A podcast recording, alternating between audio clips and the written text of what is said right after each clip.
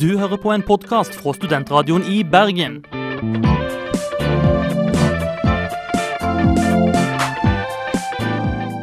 Denne og mange andre flotte podkaster finner du på podkast.srib.no.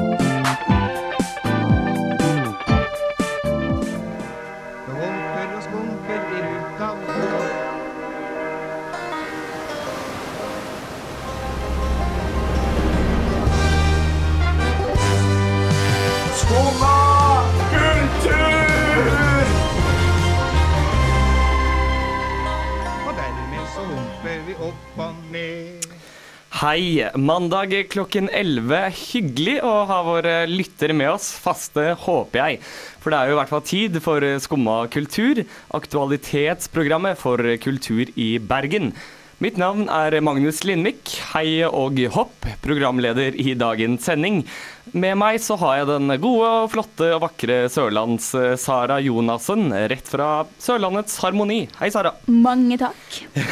Ja, dagens sending den vil jo være varierende, men uh, aktuell, som det heter. Sara, uh, vi skal bevege oss eh, innenfor tre ganske forskjellige verdener, rett og slett. Ja, den første er jo Nerdenes hevn. Nerdene er tilbake, og denne gangen med sin egen festival, Pixelfestivalen.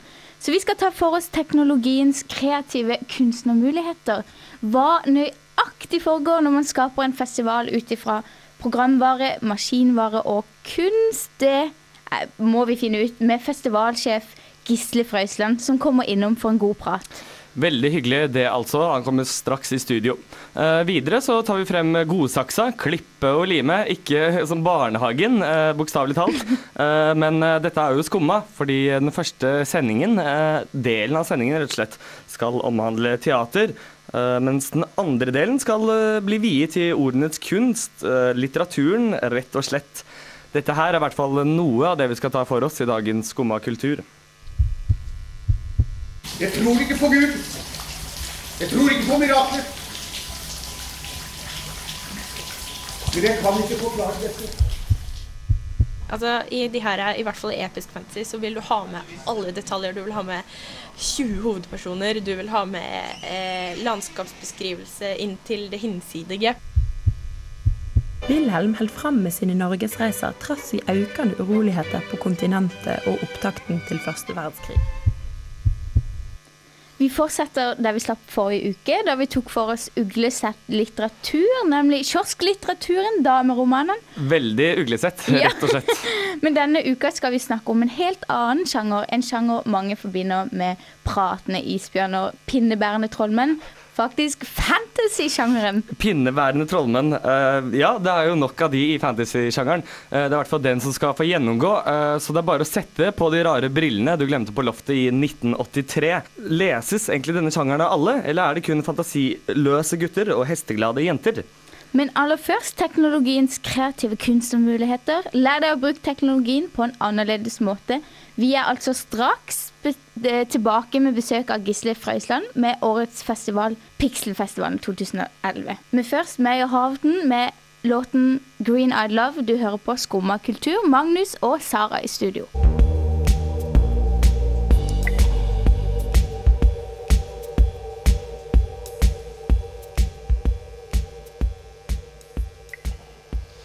Det var altså Major Hawthorne med låta 'Green Eyed Love', og du hører på Skumma kultur. Vi sa i stad at vi skulle prate om teknologiens kreative kunstnermuligheter, og det er nettopp det vi skal. For med oss i studio så har vi fått Gisle Frøysland, som er festivalsjef for Pixelfestivalen 2011. Hjertelig velkommen, Gisle. Takk for det. Pixelfestivalen den eh, beskrives som en eh, festival for electronic art and technological freedom. Men til våre lyttere der ute, hva er egentlig Pixelfestivalen? Jo, det er jo eh, akkurat det du sier, en festival for elektronisk kunst og fri teknologi.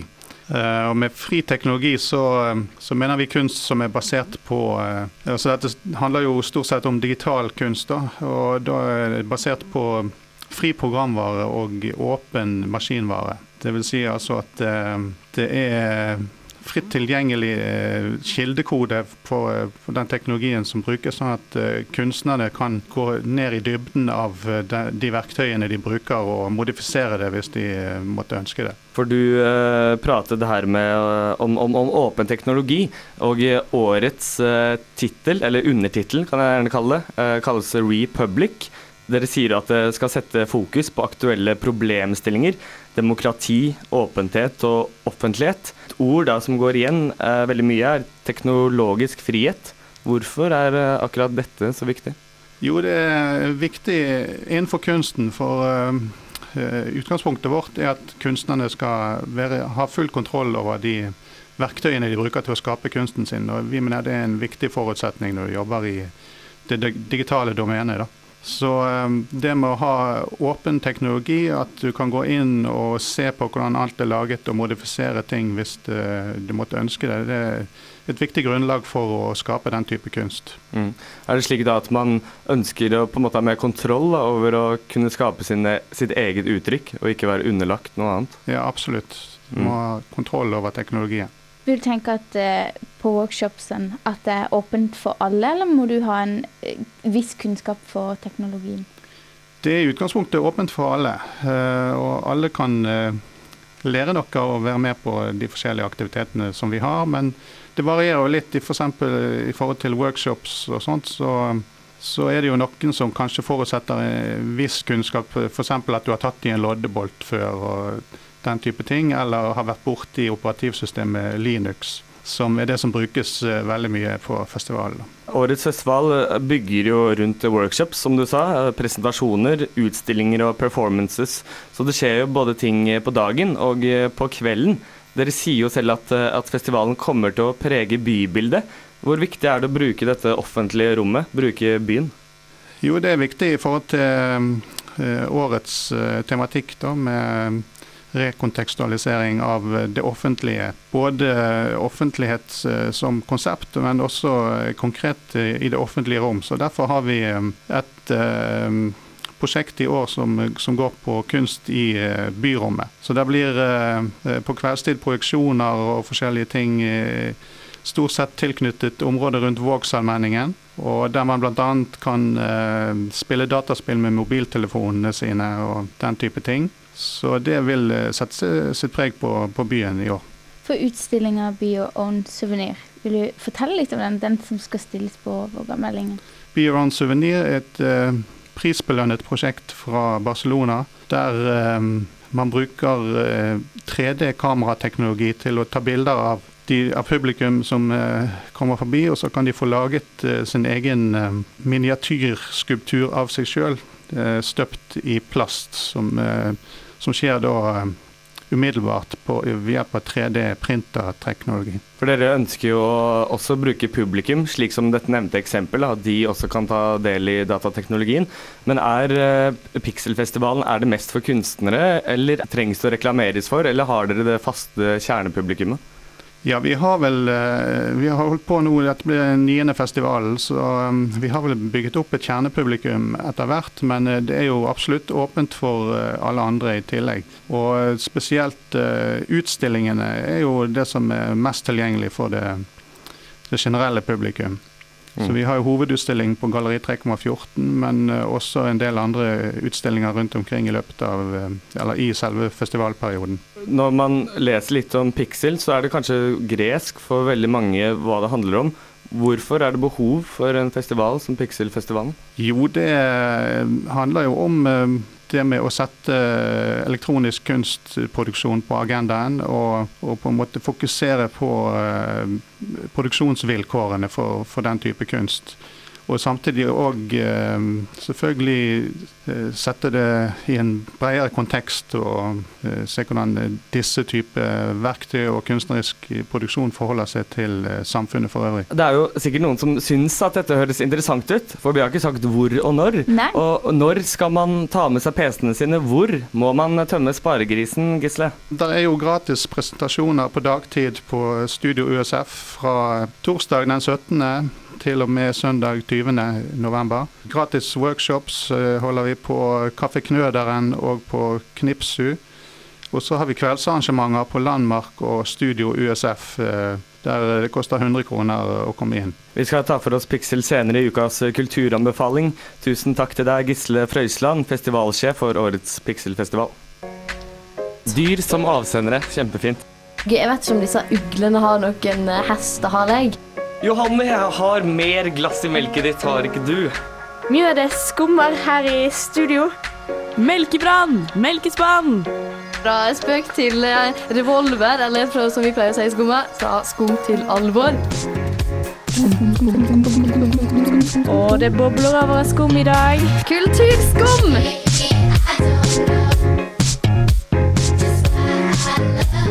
Skumma kultur hver mandag fra 11 til 12 på Studentradioen i Bergen. Du hører på Skumma kultur med Magnus og Sara. Hardware, software, microchips. Men det er kanskje dramatikk i nerdenes verden, eller andre verden? En annen verden som regel er dramatisk, er jo teatrets verden. Men først Mikael Paskalev med I Spy. Theater,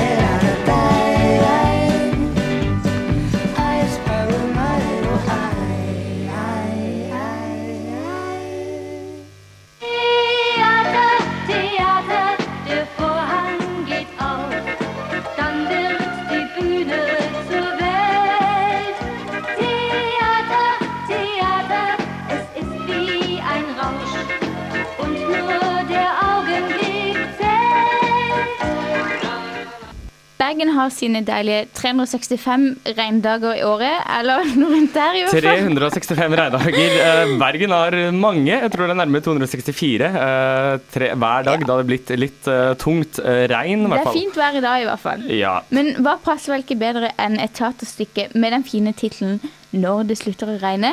ja. Hva vil egentlig skje hvis det slutter å regne? Nei, det er et godt spørsmål. Man kan på en måte ikke gjemme seg under en paraply under husets fire vegger. Man må rett og slett bevege seg utenfor og ja, rett og slett våge å ta på seg støvlene. Lørdag så var det premiere på eh, Norgespremiere faktisk på teaterstykket 'Når det slutter å regne' på småscenen ved Den nasjonale scene. Denne forestillingen her er ja, moderne og tar tak i ensomheten. Denne lange ventetiden. Eh, det er jo ofte sånn når det regner. Man sitter og venter på noe. Ja, og under stykket så regner det jo massivt, og publikum får oppleve samme klima som ute, som på småscenen. Men det at det regner hele tida, har jo en surrealistisk og omstridende sammenheng med tittelen 'Når det slutter å regne'. Ja, absolutt. For det er jo ikke, det er ikke et stykke om regn, men eh, en, en, en litt åpen tittel, kanskje, for å beskrive det mer slikt. Ja. Sara, dette stykket er skrevet av en australsk regissør, Andrew Bowells. Han har gjort sine saker bra, rett og slett. Ja, han har jo blitt prisbelønt og prislovet av både kritikere og publikum. En regissør som har blitt kjent for sine nyskapende teatertekster. Mm. Forestilling, eh, forestillingene er jo ganske moderne. Han skriver om samhørighet og ensomhet. Og det er jo temaer som vi tenker i vår samtid. Ja, det er veldig, eh, veldig 2011. Uh, mye antidepressiva og ensomhet som er ute og lusker bak hvert hjørne. Og regn. Uh, absolutt ikke. Det bygger seg rundt fire generasjoner. Og som publikum så blir man da vitne til valg av konsekvenser. Eh, Hvordan denne ensomheten da kan forandre en familie, og ikke minst hvordan faktisk ensomhet kan bevege seg på tvers av kontinenter. Og det er jo noe alle kan kjenne seg igjen i. Ja, avtroppende teatersjef Bjarte Hjem, Hjelmeland. Bjarte Hjelmeland han Ja. eh, er ferdig eh, straks for er- året. Mm. Så synd. Men han mener jo at det, det her er den beste teaterteksten han har lest på 15 år. Så det sier jo ganske mye. at Mm. Og vår teatermedarbeider Fredrik Longva tok jo turen ned for å se på norgespremieren og få se hvor eh, mye det regnet, i hvert fall. Om, om, eh, om regnet falt i god jord, Ja. kan vi si. Fredrik Longva dro i hvert fall til DNS med regnfrakken på for å finne ut det eksistensielle stykkets våte undertone. Fire generasjoner av fortiede ord, av unnskyldninger, av ulevd liv og godt skjulte hemmeligheter. Omtrent samtidig som en fisk faller ned fra himmelen og det slutter å regne, begir Gabriel Law seg ut på en tur for å finne sporene etter sin far. Nye ledetråder og gamle forbindelser kommer til overflaten idet ni mennesker med hver sin historie vasser gjennom det samme vannet. Venter på at det skal slutte å regne, for da, da vil svarene kanskje komme. Når det slutter å regne er et eksistensielt stykke ny dramatikk som behandler alle de store spørsmålene med verdighet. Det eksistensielle, politikken, den ubegripelige kjærligheten, de sorte hullene og det evige regnet. Jeg tror ikke på Gud. Jeg tror ikke på mirakler. Men jeg kan ikke forklare dette.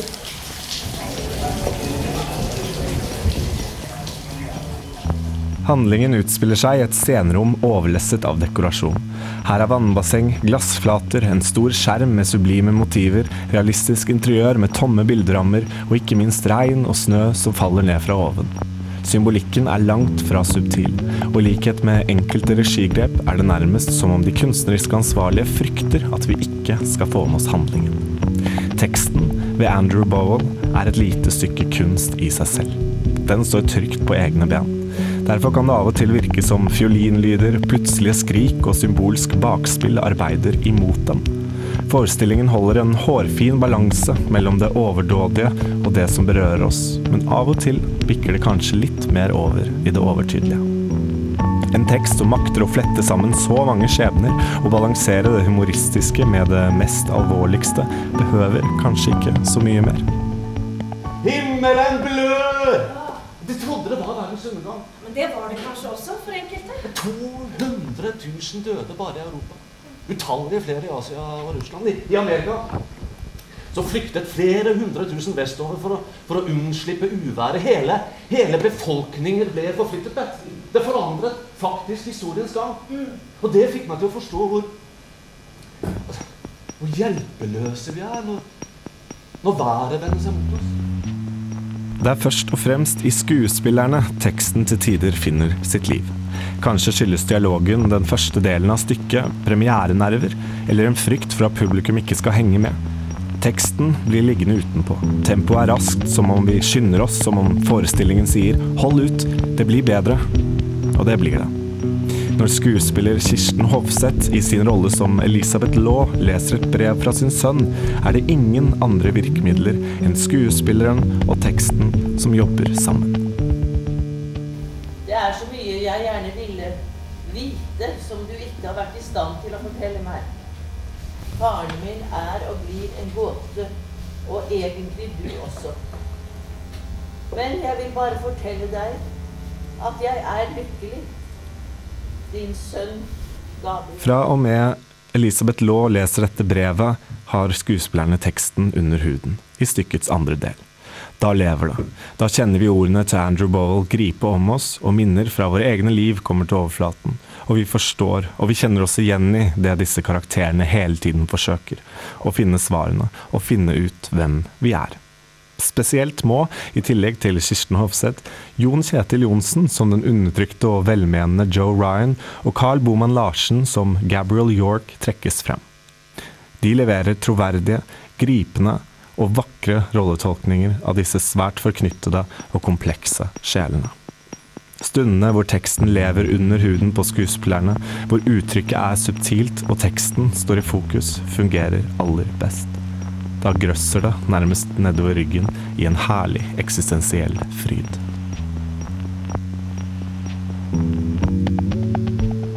På tross av en avslutning som heller ikke frykter det pompøse, og heftig bruk av strykere, er Når det slutter å regne en fin opplevelse. Det er spesielt i øyeblikkene stykket lever. Og om man ikke henger med i alle relasjoner og den nesten filmatiske lappeteppedramaturgien, er ikke dette nødvendigvis det viktigste. Ettersom stykkets underliggende tematikk kanskje handler om nettopp dette å leve i øyeblikket, og ikke vente på at det skal slutte å regne, lever stykket i øyeblikkene, og samspillet mellom aktørene gnistrer. Stykket hadde kanskje den samme effekten på det premierepublikummet som var der, for da vi forlot teatret, høljet bergensregnet ned over oss.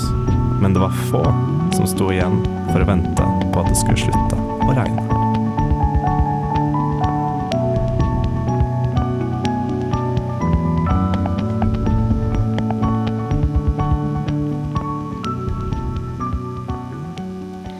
Var vår medarbeider Fredrik Longva som omtalte stykket 'Når det slutter å regne' av den australske dramatikeren Andrew Boworth. Den prisbelønte dramatikeren, Prisbelønte. for å ikke nevne det. Ja. Fredrik mener da først og fremst at øyeblikkene i teksten lever, og det er teksten som er best. Og hvis du vil se, så spilles det på DNS til 10. desember. Småscenen. Eh, straks litteraturens verden, smågal hersker og en fortsettelse fra forrige ukes uh, uglesette litteratur. Her er ukas album eh, Atlas Sound Parallax med låta Lights Works. Ukas album Atlas Sound Parallax med låta Lights Work, og du hører på Skumma kultur. Svein Scott Hjem han eh, kommer i disse dager med boka 'Keiser Wilhelm i Norge' eh, på Spartakus forlag. Eh, og kritikerne de mener at dette, denne boken her er underholdende. Og ja, det er jo rett og slett et stykke kulturhistorie. Handler om den litt maktgale Wilhelm farta rundt i Norge.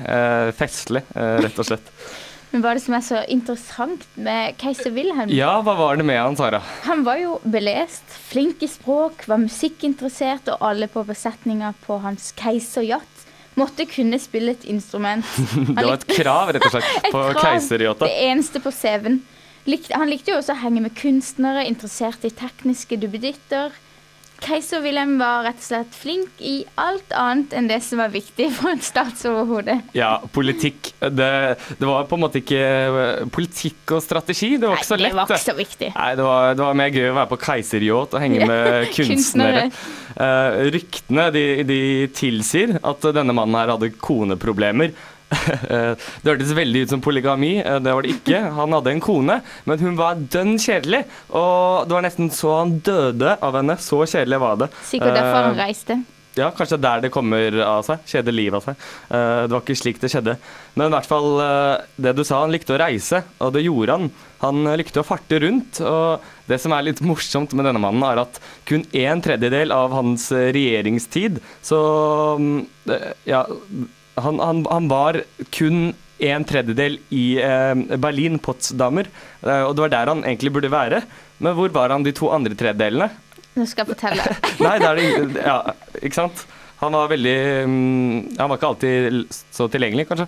Nei, men han reiste jo veldig mye rundt, og en av de stedene han eh, oppholdt seg, var jo Norge. Og til og med når første verdenskrig skjedde i hjemlandet hans. Hvor var han da? I Norge. Ja. eh, det, det, jeg syns det er helt fantastisk at han bare stakk ifra alt. Eh, det er opptakten til første verdenskrig i Tyskland, det er nedgangstider. Jeg bare tar keiseryachten min, så stikker jeg langt av gårde. Men, men hva gjorde han? Smakte han på fagre kvinner? Plukte han epler i Hardanger? Eh, ingen vet helt, kanskje. Men det er kanskje en forfatter som vet, Sara. Og det er jo Svein Skottheim som har skrevet boka 'Keiser Wilhelm i Norge'. Og vår medarbeider Tone Sverresdotter Knapstad har tatt turen innom et litterært drypp på Nordli for å høre om keiseren, om sine turer i Norge.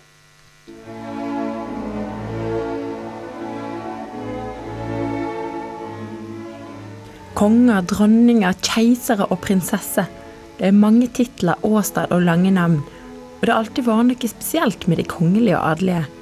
De er innhylla i mystikk, myte og tjenere. Og det er ikke bare i dag pressa kaster seg over de kongelige. Dette var òg tilfellet for superkjendis og medieyndling keiser Wilhelm 2., eller Friedrich Wilhelm Albert Viktor von Preussen, som hans fulle navn lydde. Han var tysk keiser og konge av Prøysen fra 1888 til 1918. Og i løpet av disse åra ferierte han én måned i Norge 23 ganger på 26 år. Skribent Svein Skåtheim har skrevet boka 'Keiser Wilhelm i Norge'. Der har han sett nærere på keiseren fra dåtidas mektigste land sine reiser til det høye nord. I boka formidler han historier ved hjelp av historier. Jeg tok turen til litterært drypp på Nordli, der Skåtheim gav oss bedre innblikk i superkjendisen sine norgesreiser. Hva gjorde egentlig keiseren på sine reiser til Norge? Han skapte myter. Han produserte myter. Ja, for han var en medieyndling og en Ja. superkjendis på den tida. Han var, det er helt sikkert at han var verdens mektigste mann. Og eh, han var medieyndling nummer én i Europa. og ble Alt han gjorde, ble publisert. på en hærskare journalister som fulgte han f.eks. under Fridtjof-statuens avdukning i, i 1913. Så var det jo hundrevis av journalister fra hele verden. Keiser Wilhelm reiste altså til nord, mellom annet for å skape myte.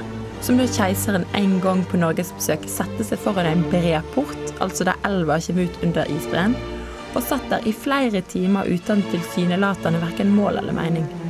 Dette var virkelig dåtidens ville mediestunt. Og med celebriteter kommer òg rykter om slektskap.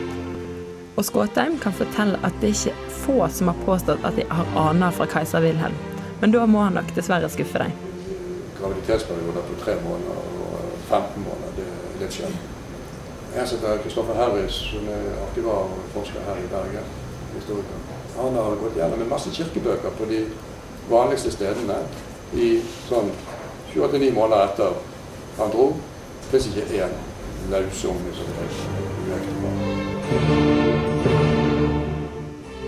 Så det var det altså ikke for de fagre norske kvinnene keiseren returnerte til Norge. Men hvorfor kom han da tilbake til Norge år etter år? Det er en mektig natur og eksotisk stad å skape myte på. Men keiser Wilhelm reiste ikke til Norge, han reiste på Norlandfart. Han reiste mot nord. Men hva er egentlig dette nord? Mot nord betød først og fremst å dra til sagaenes land, til en nordisk himmel med midnattssol og nordlys, til friske polarvinder over de farlige, men rensende breer og vidder, til barske fjell og vilt hav som kunne måle motet på en mann, til et ufordervet folk herdet av naturkreftene og med en ro og taushet som det overveldende havet og den store natur hadde lært dem. Mot nord betyr å dra inn i mytenes verden, der kun mennesker og statuer som passet inn i denne myteverdenen, var interessant. En snakkesalig kusk eller los ville fort bli skiftet. Og gavene som keiseren skjenka, var ikke nødvendigvis først og fremst til lokalbefolkninga. Dette var tilfellet med statuer av Fridtjof den frøkne, som ennå står på Vangsnes, som keiseren fikk reist i 1913. Avisfolk som mente at Fridtjofs utseende ikke var særlig norsk, hadde ikke forstått hva dette dreide seg om. Fridtjofsstatuen var en gave fra Wilhelm til Wilhelm. En gave fra den tyske keiser til det tyske keiserdømmet. Virkningen skulle først og fremst måles i Tyskland. Men det var ikke bare myte og gave da keiser Wilhelm kom seilende inn mot Vestlandet i keiseryachten Hohenzollern. Det levde også et liv i sus og dus og rus. Ett år var det slutt på den flytende provianten allerede etter 16 dager. Og de sendte da et telegram for å få bukt med dette problemet. Omdringent, altså straks, å sende 150 flasker reinvin eller Mosen årgang 84, 50 flasker champagne, 100 flasker Mosen Mosø, 25 flasker sherry, 6 flasker benediktiner, seks flasker angostura og 12 flasker Charmaga. Wilhelm holdt fram med sine norgesreiser trass i økende uroligheter på kontinentet og opptakten til første verdenskrig. sitt fokus var gjerne på andre aktiviteter som han likte bedre enn politikk, strategi og andre keiserlige oppgaver. Dette er også noe en får innblikk i i boka. Om du vil høre mer om keiser Wilhelm 2. sine reiser i Norge, er det mer lokalhistorie og flere fortellinger og myter i Svein Skåtheims bok 'Keiser Wilhelm i Norge'. Etter nederlag i første verdenskrig gikk han av som keiser og flykta til Nederland, der han levde i eksil fram til sin død i 1941. Keiseren ville ikke vende tilbake til Tyskland før monarkiet var gjenoppretta, så han ligger ennå i et mausoleum i Nederland.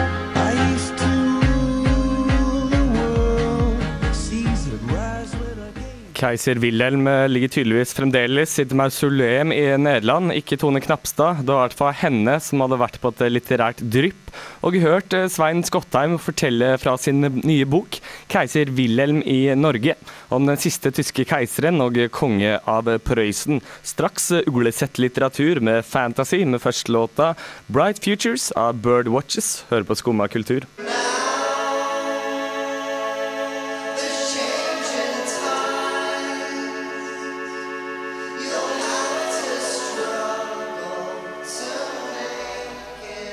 Birdwatches med låta 'Bright Futures'. Du hører på Skumma kultur. Magnus Lindvik og Sara Jonassen. Straks fantasy og uglesett litteratur.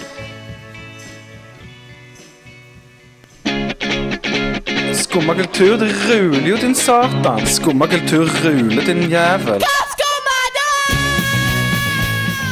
Som tidligere medlem av Skumma kultur vet jeg at de setter litteraturen i høysetet. Mannen som elsket Skumma kultur, Tore Rønberg.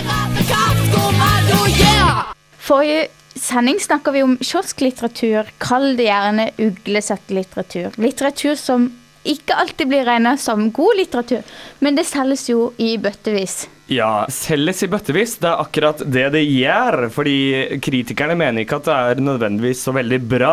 Uh, denne verden her blir jo regnet som rett og slett ganske nerdete. Uh, personer som syr sine egne kostymer, pusser sine egne sverd, løper ut i Fanaskogen og gjenskaper gode scener fra Ringenes herre. Nerdenes våte drøm, Sara. Uh, dette, dette eksempelet har ringt særlig denne boken, og, og i hvert fall rollespill, utspringer mye sin identitet fra rett og slett det som kalles fantasy.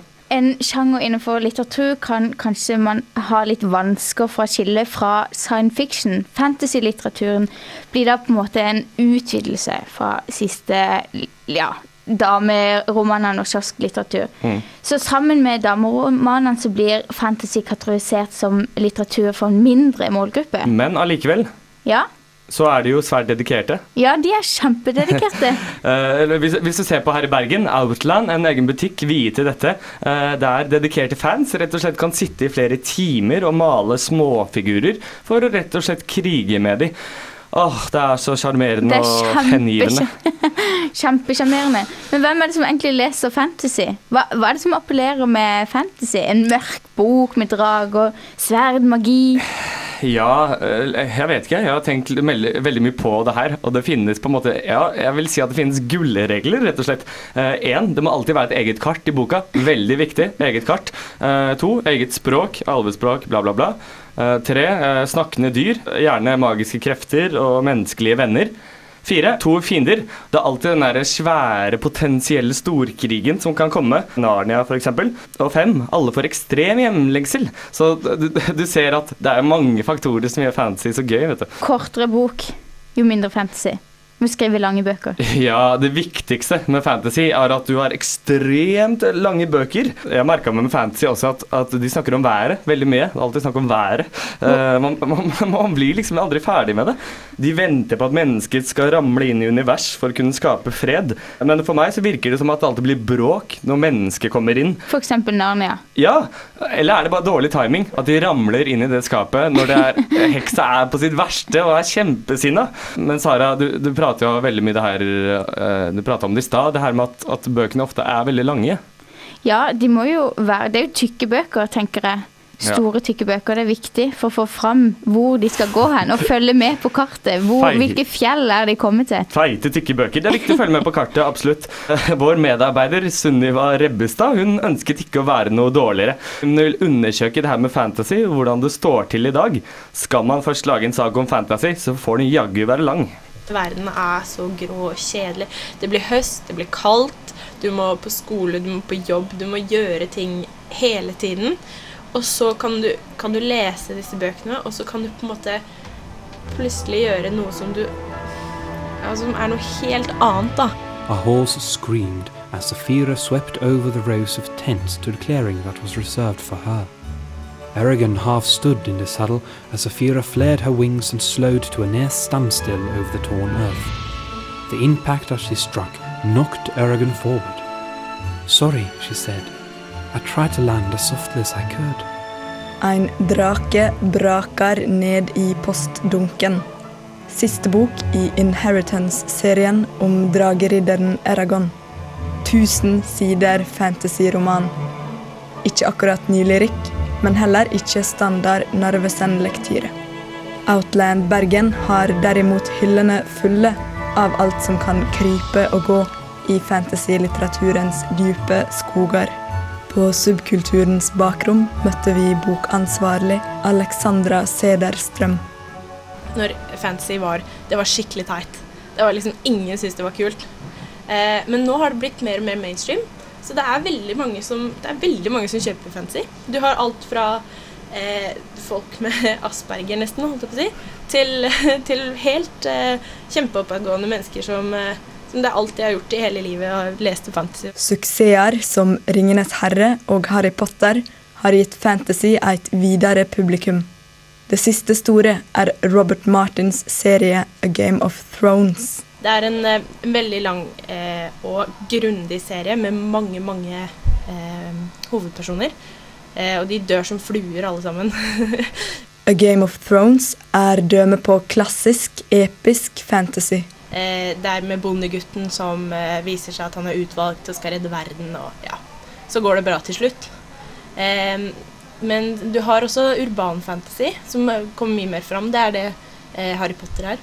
Eh, hvor du har måte, den magiske verden i samspill med vår ordentlige verden, da, ekte verden. Hvordan er det bestselgerne skiller seg ut fra resten? Det er veldig mye forskjellig. Det er forskjellig fra, fra, fra bok til bok, jeg er ikke helt sikker. Men sånn som eh, 'Ringens herre' så har jo det herre Det vennskapet som er helt unikt. Altså det er, det er så uskyldig. Mens i Game of Thrones så har du den herre Altså verden blir mer og mer blodig. Og det er akkurat det Game of Thrones spiller på, da. At ting blir bare brutalt. Små intriger mellom store slag. Hvorfor er fantasy så populært, og likevel så uglesett? Vitenskapen har kommet så langt, vi vet så mye, at det er ingenting som er mystisk eller fantastisk lenger. Eh, nesten. Eh, og da, da er det sånn at man søker litt tilflukt da, i fantasyen, i sjangeren. Eh, at man på en måte kan drømme seg litt vekk. Før, altså, på 1800-tallet, på slutten av 1800-tallet, så var det jo en realitet. Altså fantasy var, var ekte altså alle, i hverdagen. Det var myter, det var eh, Man visste ikke like mye. Og så kom den her vitenskapelige boomen. At allting på en måte kunne forklares plutselig. Og da ble jo selvfølgelig fantasy mer og mer eh, Det det ble på en måte utvinna, at det ble ikke tatt seriøst, da. Men mainstream til side. Fantasy har også sine skjulte skatter. Jeg har jo en som selger ganske bra, det er jo helt klart. Men som på en måte ikke har fått i nærheten av like mye oppmerksomhet. Eh, og det er Rothfuss, som skriver um, eh, om um, Som skriver uh, epic fantasy, da. Eh, men han skriver så vanvittig vakkert. Og eh, historier som går inn i hverandre og fletter seg inn og ut. Og, eh, nei, det, han er, skriver helt fantastisk bra. It was night again. The Waystone Inn lay in silence, and it was a silence of three parts. The most obvious part was a hollow, echoing quiet made by things that were lacking. If there had been a wind, it would have sighed through the trees, set the inn sign creaking on its hooks, and brushed the silence down the road like trailing autumn leaves. Har du dømme på dårlig fantasy? Jeg tør nesten ikke å si det. uh, Snyder skriver like, like dårlig som navnet tilsier, nesten. Bare navnet er sånn herre Ja, nei, det er forferdelig. og en ting som er fryktelig morsomt, som jeg bare må nevne, det er at eh, disse som skriver Urban Fantasy, som produserer ca. Ja, skal vi si en bok i måneden, eh, alle er overvektige husmødre fra USA på over 50. Eh, og det er veldig morsomt hvis du blar opp på siste siden på alle disse Urban Fantasy-bøkene. Eh, og så ser du at ja, hun også var ikke særlig attraktiv. Og ikke hun heller. Og ikke hun heller. De er helt like alle sammen, så du skulle nesten tro at de er blitt skrevet av samme person. Forfattere generelt er vel ganske nerdete, men så har du de som er fantasy-forfatteren, som er bare sånn enda mer. Andre fantasyforfattere er like mystiske som sine bøker. Robert Jordan døde før serien Wheel of Time ble fullført. Trettende og siste bok er like fullt i emning. Venting er fantasykulturens ryggmarg. Jeg har smurt meg med tålmod. Men eh, nå på, på tirsdag så kommer den siste boka i Inheritance eh, Ja. Cycle. Ja, og jeg eh, må innrømme at jeg gjorde en stor blunder der og tok inn tre av den. Fordi det er ikke en bok jeg er veldig fan av selv. Akkurat som Twilight så føler jeg at den har blitt hypa opp til de grader. Og da, Det er jo en sånn nerdegreie. da. Hvis alle liker det du liker, så er det ikke gøy lenger. Inheritance er mainstream. Ja, det er blitt for mainstream. Ja, men uh, altså, han Jeg husker jeg leste første boka og ble kjempefascinert. For det her forholdet mellom uh, Hva er det hun heter? Hun heter Saf og uh, Aragon. Eh, jeg elsket det forholdet, virkelig. Eh, men så, var det, så kom filmen, og så var det døde noe inni meg. på en måte. den filmen er så dårlig. Den er så utrolig dårlig. Og den er sånn herre OK, hun er alv, men hun er ikke en alv i det hele tatt. Hun er bare menneske. Det er liksom Det er ikke, det er ikke dverger der, nei. Det er bare Alt er bare kjedelig. Det eneste som er litt kult, er på en måte Safira. We should try again, said Saphira, and he agreed. Together, they reached out with their minds towards the distant lights, towards the sea of stars that represented Glader's consciousness. Through cold and darkness they sailed, then heat and despair and indifference so vast and so great it sapped their will to do anything other than to stop and weep. Stor patos og talløse detaljer. Fantasy er ikke særlig subtilt, men det er mye annet. Hvorfor tror du fantasybøkene er så tjukke?